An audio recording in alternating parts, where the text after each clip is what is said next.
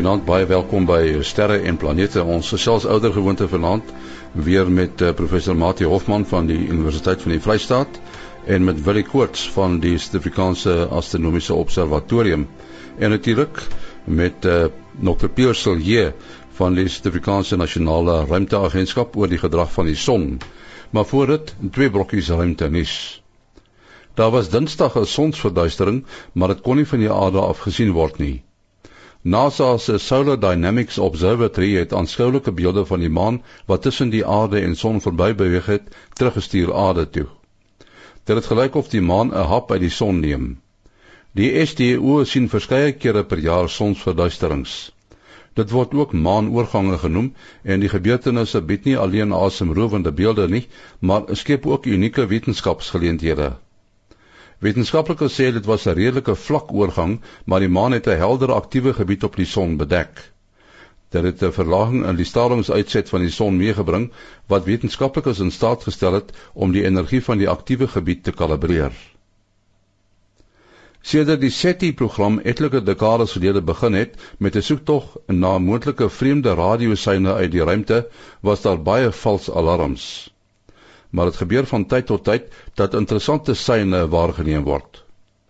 Aangesien sulke syne nie herhaal word nie, is dit moeilik om vas te stel of die oorsprong daarvan werklik kosmies is. Een van die soort syne wat wetenskaplikes al reg op sit het, die sogenaamde WOW-sein, is deur die Big Air Observatory in Ohio waargeneem. Dit was 30 keer sterker as die agtergrondgeruis, maar dit slegs 72 sekondes geduur en is nooit weer waargeneem nie. Tot sover ruimtenis. Ons is selfs nou met Dr. Piersel hier van die Ruimtewetenskapsdirektoraat van die Suid-Afrikaanse Nasionale Ruimteagentskap. En uh, ons praat natuurlik oor die son. Uh, ons het nou nie verlede week met julle gesels nie. Uh, daar was nogal tamelike aktiwiteit verlede week, nee Pier? Dit is reg en nie uh, ons uh, die heel week verlede week die son uh, dopgehou want daar was 'n hele paar aktiewe areas gewees wat potensieel uitbarstings kon oplewer. Maar uh, ons was gelukkig dat nie een daarvan regtig uh, groot ehm um, effek gehad het nie. Daai het wel 'n uh, eh, verlede week uh, etlike uh, koronale massa uitbarstings plaasgevind uh, soos waargeneem op die uh, koronogramme wat ons op die SOHO satelliet sien. Maar hulle het meestal in die ander rigting gegaan en nie na die aarde toe gekom nie die een wat ons uh, Dinsdagoggend uh, hier vroeg in die oggend getref het, uh, het uh, Vrydag aand uh, die son verlaat en ehm um, in Sondag uh, het dit uh, hier by ons aangekom en 'n uh, matige magnetiese storm veroorsaak wat 'n uh, K5 intensiteit gehad het. En uh, die storm sal nog vir 'n dag dag of wat aktief wees. Uh maar vir die res is daar nie uh vooruitsig van enige uh groot storms op hierdie stadium nie. Ja, dit is 'n Dr. Pierre Solier van die Ruimtewetenskapsdirektoraat van die Suid-Afrikaanse Nasionale Ruimteagentskap. En ons praat heel eers vanaand met Willie Koorts van die Suid-Afrikaanse Astronomiese Observatorium. Nogal interessant hoe die mense gaande is oor hierdie uh, klompie hemelliggame wat naby mekaar is, uh, Venus en en Jupiter en dan die maan, né? Nee. Ja, en dit is darem maar altyd 'n oog as as as so 'n woord oog oogvangende verskynsel die die uh uh Venus nou wat natuurlik nou die aandster is en baie helder is is nog besig om bietjie helderder te word op die stadium. Jupiter wat nou vinnig besig is om om na Venus toe aan aan te beweeg die twee gaan hier by die 13de Maart bymekaar verby beweeg. Um en uh dan natuurlik wat altyd die prentjie soort van kompleet maak uh, uh perfek maak kan jy amper sê is natuurlik wanneer die maan by hulle aansluit soos soos wat die naweek gebeur het. Ehm um, uh Vrydag aand was dit al so die mense kon sien iets gaan gebeur hierso. Uh Saterdag aand het ons 'n lekker byeenkoms gehad daar by die by die Taalmonument. Ons het oor die 200 mense daar gehad en ons kon toe nou die spulletjie lekker bekyk daarvan af en en uh, natuurlik was Sondag aand was nou was nou die mooiste eintlik geweest waar die maan dan nou tussen die twee loop sit het en ek het nogal so 'n paar SMS'e ook gekry van mense wat vir my gevra het. So ja, vang altyd mense se oog en en is altyd altyd uh, baie lekker om te sien. uh, op die uh, webwerf universetoday.com is daar nou 'n paar foto's wat in die daglig geneem is en uh, sien daarna is die sekelmandjie met uh, met Venus daarna by in die daglig. Min mense besef eintlik dat Venus is is in die dag sigbaar. Ehm um, hy's helder genoeg om om om om om reg deur die die blou lig amper te kan sien en uh die probleem is net altyd jy weet nie waar om te kyk nie. So in gevalle soos wat nou uh, uh Vrydag en Saterdag aand gebeur het wat Venus baie na aan die maan uh gewees het en natuurlik nou oor 'n maand gaan ons nou die dieselfde dieselfde geval weer hê. Ons moet eintlik uh dit aanteken en kan kan ons vir mense waarsku dat hulle dat hulle dit probeer sien volgende maand. Ehm um, en uh, uh ja daar's daar's verskillende teorieë ek weet uh uh, uh Louis het ook altyd gepraat van jy moet op die op die horison fokus en so aan maar wat ek al agtergekom het dit, dit lyk vir my dit is meer 'n geval van jou oog moet geanker word uh ek het al ek het al so 'n bietjie geëksperimenteer en met vir, vir, vir my eie kinders laat sê okay kyk vir my 'n bietjie daarso. En dan as jy hulle oë dop hou kan jy sien die oë spring die hele tyd rond.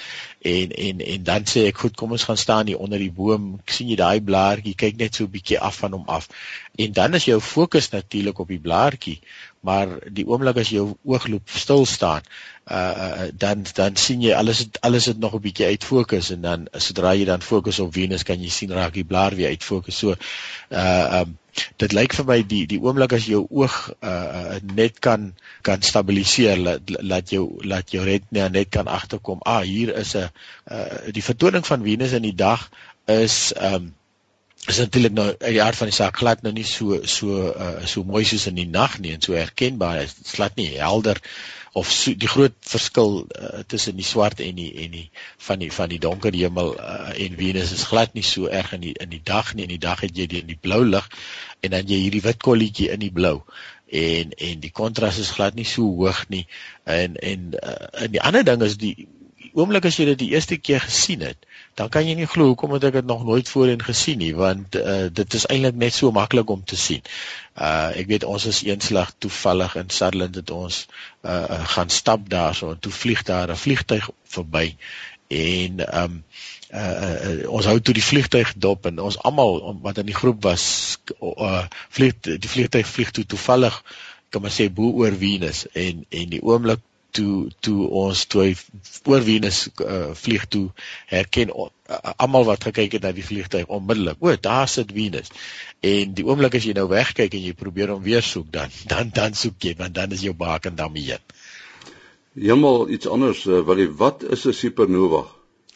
'n uh, supernova is uh, wanneer 'n ster aan die einde van sy lewe kom. Nou uh, uh ons weet sterre word nou nog gebore in nevels en dan uh, uh maar aan die einde van hulle lewe uh gaan hulle eintlik afhangende van hulle oorspronklike grootte, hulle moet ten minste dan 2 of 3 maal so groot soos ons son wees of of ja, ja groter as ons son so 'n sonmassas. Um en en dan uh, uh sal so 'n ster ontplof met 'n gewelddadige ontploffing. Uh is eintlik een van die gewelddadigste uh uh, ontploffings en en en vrystellings van energie in die in in in die heelal. Uh dat tipies uh, so ster. Eintlik wat gebeur is dat terwyl die ster nou aan die brand was en in aan die aan die skyn was, ons sê nou brand tussen aanhalingstekens want daar is nie suurstof betrokke nie. Dis eintlik 'n atoomfisie die die die waterstofbom is maar eintlik 'n proses wat in ons son aan die gang is en ehm um, so die waterstof word as gevolg van geweldige druk en temperatuur in die kern van die van 'n ster uh, uh word uh, uh, fisies aan mekaar ingedwing om helium te vorm. So uh en dan word daar energie vrygestel uh, uh in aanleiding van Einstein se E E is gelyk aan mc kwadraat uh, dan is daar's effens 'n massa verlies wanneer twee waterstowwe een helium vorm en daai massa uh, verlies maal met die snelheid van klank kwadraat uh, snelheid van lig kwadraat uh, is is dan die energie waar waar waar waarmee die son skyn en enige ster skyn. En um, so in die in die gewone leeftyd van die ster sal jy kry dat die daar's eintlik 'n 'n balans tussen hierdie ontploffingskrag wat die ster probeer probeer uitmekaar uitskiet en dan die inploffing uh onder onder sy eie swaartekrag. Nou wanneer die ster dan aan die einde van sy lewe kom en soos ek sê dit gebeur eintlik baie skielik. Uh skielik is daar net nie meer hierdie balans nie en 'n mens sou dink die ster gaan eers ontplof, maar eintlik wat gebeur is die ster tuimel in mekaar want skielik het hierdie krag wat die ster probeer uitpof vir die heeltyd het nou verdwyn. So die ster tuimel in mekaar in en en skiet dan uit mekaar uit uh, met 'n met 'n soort van, in, in Engels praat hulle van 'n rebound. Uh mens kan dit baie maklik vir jouself demonstreer. Jy vat 'n 'n basketbal of 'n netbalbal en jy vat 'n tennisbal en jy sit die twee op mekaar en laat val die twee gelyktydig. Hulle val dan saam en as daai basketbal dan die uh, vloer tref dan uh, is daar 'n energie wat daai tennisbal in die lug inskiet dat jy nie kan glo hoe hoog hy hom kan skiet nie. En dit is dan dieselfde geval wat in wat in so 'n ster gebeur. En dan uh, sal die ster dan tipies sy buitelaag afskiet. Ehm um, en dan afhangende van wat in die middel gebeur, baie maal word die elektrone uh, heeltemal van, van die atome gestroop en en en skielik het jy dan die atome wat baie ver uit mekaar uit was as gevolg van die elektronwolk kan nou bymekaar kom en dan jy 'n baie digte liggaam en wat uiteindelik kan lei tot 'n tot 'n gravitasiekolk of of dan 'n swart gat. As as 'n mens nou kyk na sê maar 'n uh, 'n sterre uh, bondel uh, geslote of 'n oop sterre bondel, hoe sal jy weet of daar 'n supernova is? Ja, dit is ongelooflik uh uh hoeveel energie ons het nou jy's gepraat van die hoeveelheid energie en en dit is amper soos 'n soeklig wat iemand aangeskakel het daarso.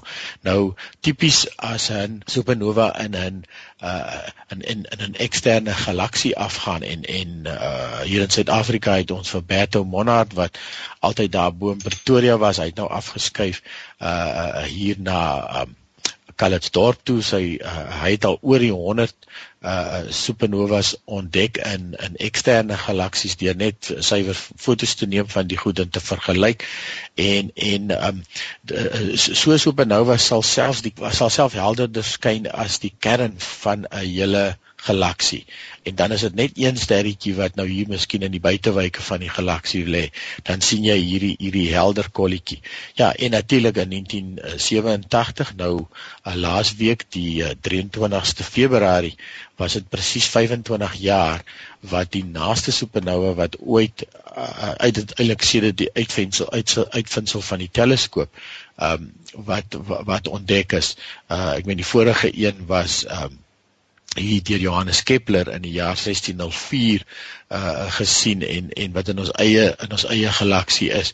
En hierdie ene het toe uh, uh afgegaan in die Groot Magellaanse wolk net daar langs die Tarantula nevel en um, dit is toevallig ook die die tyd toe ek by die sterrewag begin werk het um, en in my maand uh, en dit is dan die maand wat ek begin het het het hy sy maksimum helderheid bereik en hy was met die blote oog sigbaar waar daar voorheen heeltemal 'n onbeduidende sterretjie gewees het. Ja, so hy gaan homself baie baie duidelik sigbaar maak in in enige sterrestelsel van enige aard.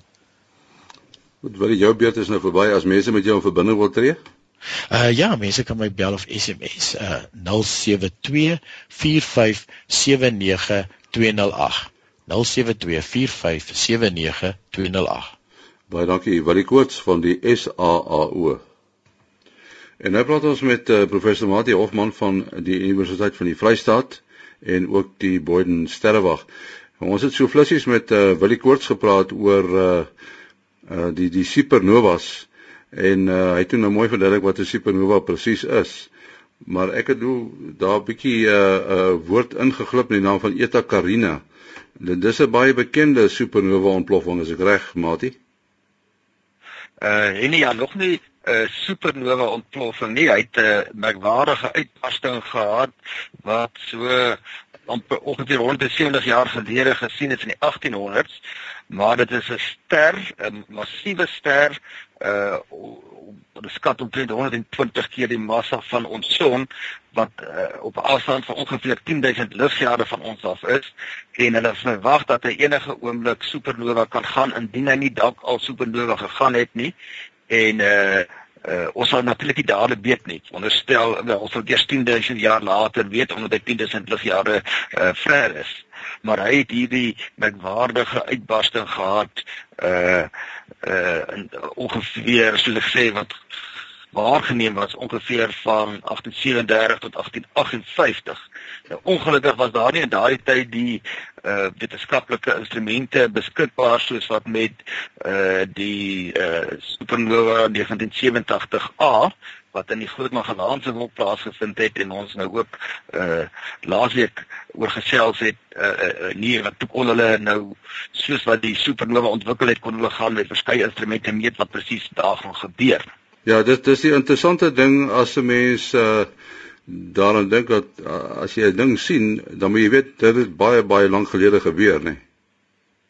Ja, alles wat ons in die sterre hemel sien, uh is eintlik maar geskiedenis en hoe verder dit is, hoe verder kyk ons in die geskiedenis in terug. En dit is nou die voordeel in hierdie geval van hierdie uitbarsting van die uh Eta Carina ster en so terloops die mense kan daardie gebied waar die Eta Carina ster is, kan hulle nou sien as hulle nou vroeg aand uh te buite toe gaan terwyl dit nou nog nie uh, naby volmaan is nie. Hulle kyk net so in die Melkweg bo die suiderkruis wat in die suidooste lê. Dan is daar so helder kol in die Melkweg en in daardie nevelagtigheid kry mens hierdie ster Eta Carina. Nou die uitbarsting was so helder geweest in daardie jare uh dat dit toe die tweede helderste ster in die naghemel was. So dit was helderder as Canopus. Nou ons kan nou vroeg aan sien ons regboonskoppe uh Sirius en bietjie suid daarvan uh, uh sien ons Canopus. Sirius en Canopus is nou die twee helderste sterre. Maar Eta Carina was toe helderder as Canopus. Nou kan mens hom nie sien met die blote oog nie. Hy maak net die eerste eers die eerste 100 sterre in helderheid nie. Hmm. Uh maar hy het nou hierdie uitbarsting gehad en uh baie unieke tipe van uitbarsting en hulle beraam dat hy ongeveer wel 'n paar maal die massa van die son weggeblaas het in daai proses. Wat die opwindende nou is, hulle het nou geweet hulle moet nou net gaan kyk in daai omgewing, dan kan hulle kyk weer kry van daai ontploffing. Want daar het nou lig uitgestraal tydens hierdie uitbarsting en baie van die lig, dit gaan natuurlik nou in alle rigtings in die in die in die ruimte in, maar daar's baie gaswolke in die omgewing. En nou uh ongeveer 170 jaar later bereik van daardie weerkaatste lig ons nou via oppad. En soos dit nou deur uh 'n gasnevel beweeg, kan 'n mens nou oor 'n kwessie van 'n paar jaar kan jy nou 'n kyk weer as ware sien. Jy kan nou die lig wat vanaf daai ontploffing gegaan het, kan jy nou ontleed met die moderne instrumente uh so lank nadat die eerste keer waargeneem is. En nou kan hulle die eerste keer regtig probeer verstaan wat 'n soort uitbarsting was dit uh gewees en uh hierdie ster sal hulle nou wel is nog baie vroeg die werk is nou maar eers 16 Februarie in die tydskrif Nature gepubliseer en uh, moet ek so binne 'n jaar gaan ons hierdie baie beroemde ster baie beter verstaan. Ja, daar is so 'n ding soos 'n wisselster, nee, ek dink aan Delta uh, Scorpionus. Dis 'n ster wat uh waarvan die helderheid wissel. Uh, Hy's uh, baie keer helderder as ander kere beteken dit nou dat so 'n ster ook sy einde nader?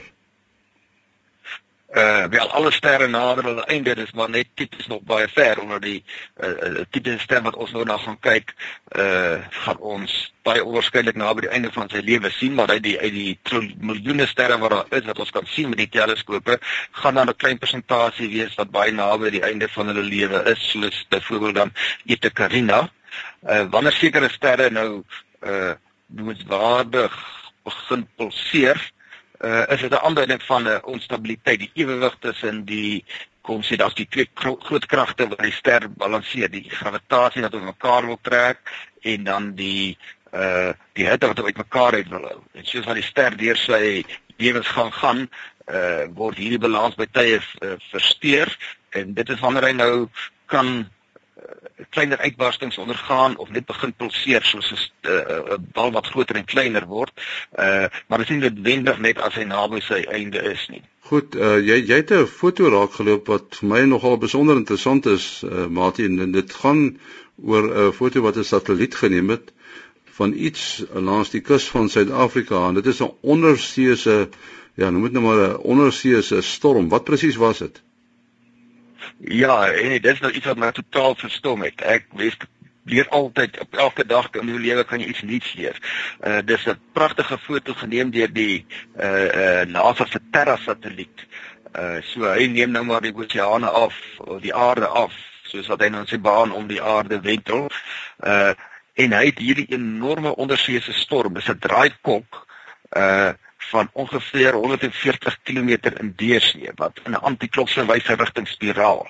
So mense kan nou maar dink aan die draaikolke wat ons in die oppervlak van die aarde as ons na die die die strome en so aan kyk, dan sien ons mos baie keer draaikolke. Ons kan ons eie klein draaikolke in 'n in 'n bad water ook veroorsaak. Daar's 'n sekere soort fisika daarmee geassosieer en of dit nou 'n klein draaikolk is en of dit nou 'n reuse draaikolk soos hier onder die oseaan is, diep onder die oseaan, dan kon dit sien want die die die water is baie deursigtig en dan so van bo af uh, onder wolklose omstandighede kan jy diep onder die oppervlak kyk. Jy kan ware baie keer as jy eiland sien, uh die van ons wat al die voorreg gehad het, uh dan kan jy sien die eiland is maar net die punt van 'n uh, onderseese berg.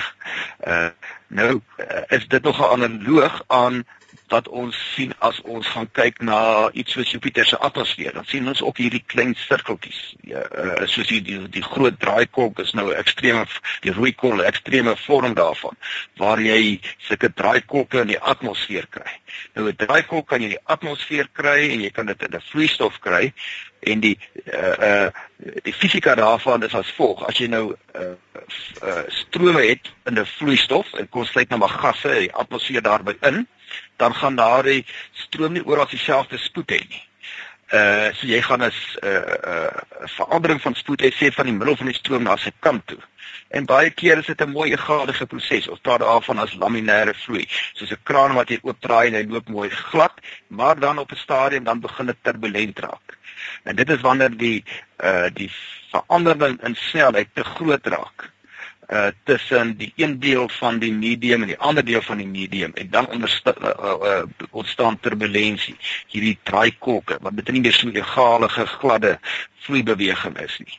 Uh en die die groot windstrome in Jupiter uh wat daai bande om hom veroorsaak het dan ook waar jy nou die die die grens het tussen 'n 'n deel van die atmosfeer wat vinniger beweeg en wat stadiger beweeg. As dit te groot raak die verskil in spoed, dan kry jy ook hierdie turbulense patrone.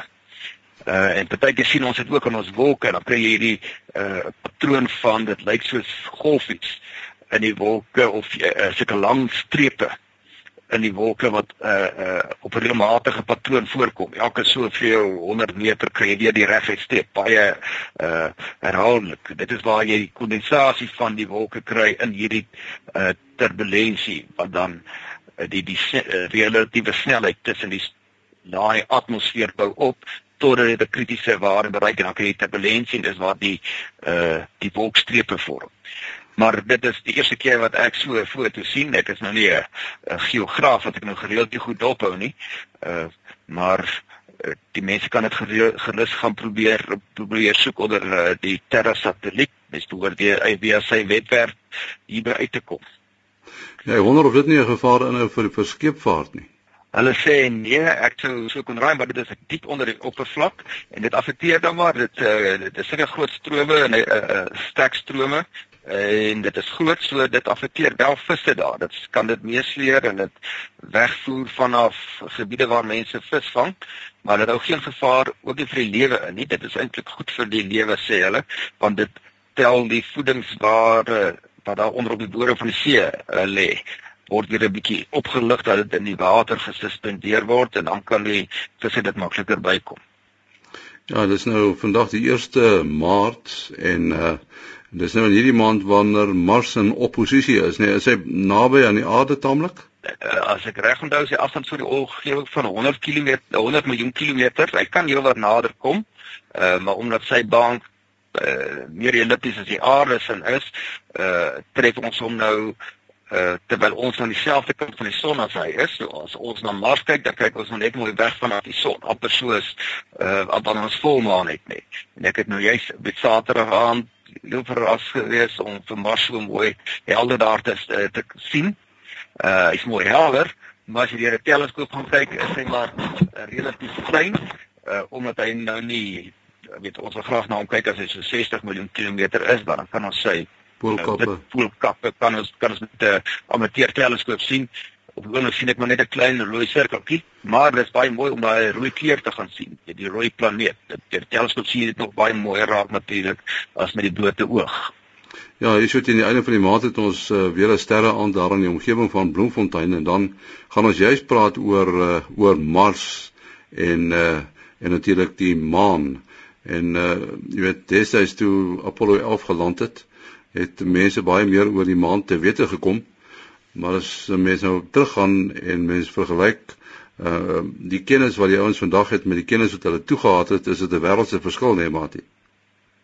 Uh ja, kyk, die Apollo landings het baie kritiese inligting gegee. Hulle het op een spesifieke plek geland en hulle daar 'n monster van die uh die maanrots en uh, stof kon neem, maar is maar een plek op die maan, weet. Ek bedoel, hoe kan ons nou van die aarde ook leer as ons net op een plek bly? Uh van daai tyd af was daar uh, nog 'n paar landings van die eerste Apollo 11 landing, uh maar daar was nou die meer moderne sendinge in die laaste paar jaar uh uh wat hulle daar om Mars dentel wat hulle projektiele in sy kraters ingeskiet het om te kyk of hulle water uh, kan waarneem. Uh die oppervlak van van die maan is nou baie akkuraat ge uh, gekarteer. Uh daar's ook heel onlangse uh, ontdekkings dat daar tog bietjie meer geologiese aktiwiteit in die onlangse geskiedenis van die maan is as wat hulle gereken het. Met ons van uh, praat mense dan nou van miljoene jare. Weet sê nou my laaste uh, 100 miljoen jaar reken hulle as onlangs. Dit klink vir ons verskriklik uh, verskriklik lank. Uh, ek dink die maan omdat hy tog redelik naby is en nog baie geheime het gaan ons al baie van hoor in die in die komende tye Nou ek het nou uh laas Saterdag hier by Brandfort 'n uh, lesing gaan gee oor uh oor die sterrehemel. En dit is altyd lekker om so iets te doen en dan hoor jy weer ons het nou daarna die sekelmaan gekyk en dan hoor jy hoe die mense praat van uh weet uh, gooi nou genoeg water dat ons kan reën kry. So daar's altyd die stories oor die maan se ja. effek op ons weer en dis een van die dinge wat ons nou wil kyk hier op ons uh, 31 Maart sterre en planete aand hierso by die dis ons by Soedoring Natuurreservaat daar. Ja, Martin, uh, ons moet ongelukkig afsluit jou besonderhede. Uh selfoonnommer 082 083 625 7154 083 625 En my uh, e-posadres is maas.henny@gmail.com maas.henny@gmail.com Tot die volgende keer. Alles van die beste